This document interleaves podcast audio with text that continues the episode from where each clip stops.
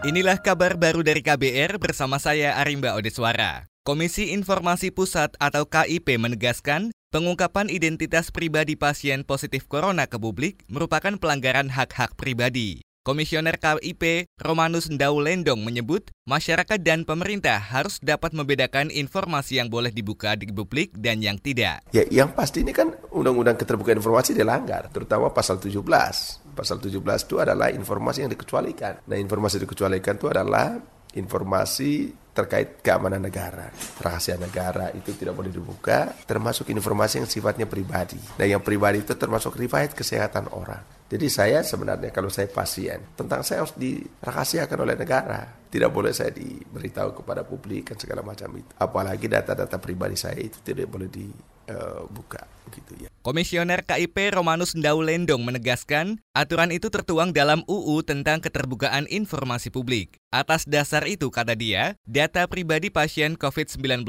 harus tetap dirahasiakan. Sebelumnya, identitas pasien COVID-19 di Depok, Jawa Barat yang berisi daftar anggota keluarga, profesi hingga tempat kerja yang bersangkutan beredar luas di masyarakat.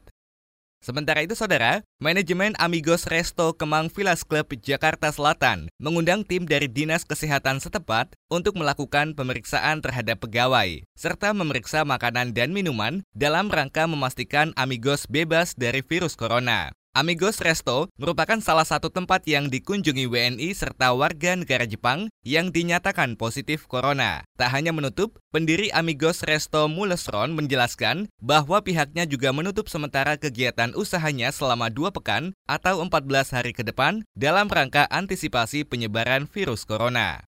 Kita beralih menuju ke Pontianak, Saudara. Kantor Kesehatan Pelabuhan KKP Pontianak menyebut sejumlah pintu masuk di Indonesia telah menggunakan kartu kewaspadaan kesehatan atau HAC guna mengawasi penyebaran virus corona. Kepala KKP Pontianak Rahmat Subakti menyebut HAC berfungsi untuk menelusuri kesehatan warga yang kerap berpergian antar negara. Ini memang penyakit ini kan tidak selalu menunjukkan gejala walaupun dia sudah terinfeksi gitu ya. Itulah manfaat dari HAC itu karena kan gini ya, pada saat datang ke pintu masuk, belum tentu gejala itu muncul, akan tetapi misalnya virusnya udah ada, akan tetapi kemudian begitu masuk udah ke daratan atau ke mana lah, ke kota atau ke baru gejala itu muncul. HAC itu, hard alert itulah itu yang menjadi tool kita untuk melakukan pelacakan dari mana, siapa, dan apa yang harus ditangani. Selain pemanfaatan HAC, KKP juga menggunakan pendeteksi suhu tubuh untuk memonitor suhu tubuh yang menunjukkan gejala virus COVID-19,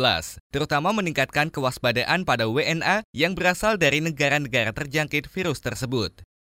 Pemerintah menunjuk Sekretaris Direktorat Jenderal Pencegahan dan Pengendalian Penyakit P2P, Kementerian Kesehatan Ahmad Yuryanto, sebagai juru bicara untuk perkembangan penanganan virus corona. Menteri Kesehatan Terawan Agus Putranto mengatakan, penunjukan ini langsung dilakukan oleh Presiden Joko Widodo. Beliau yang terbekali dengan semua data yang ada, baik data mengenai kasus yang kemarin sudah diumumkan, dan betul-betul akan terkonsentrasi di satu jurubicara. Sementara itu, mengenai penanganan corona ini, Terawan mengatakan dirinya akan lebih fokus menangani penyebaran dan perawatan para pasien yang positif maupun suspek yang berada di Indonesia.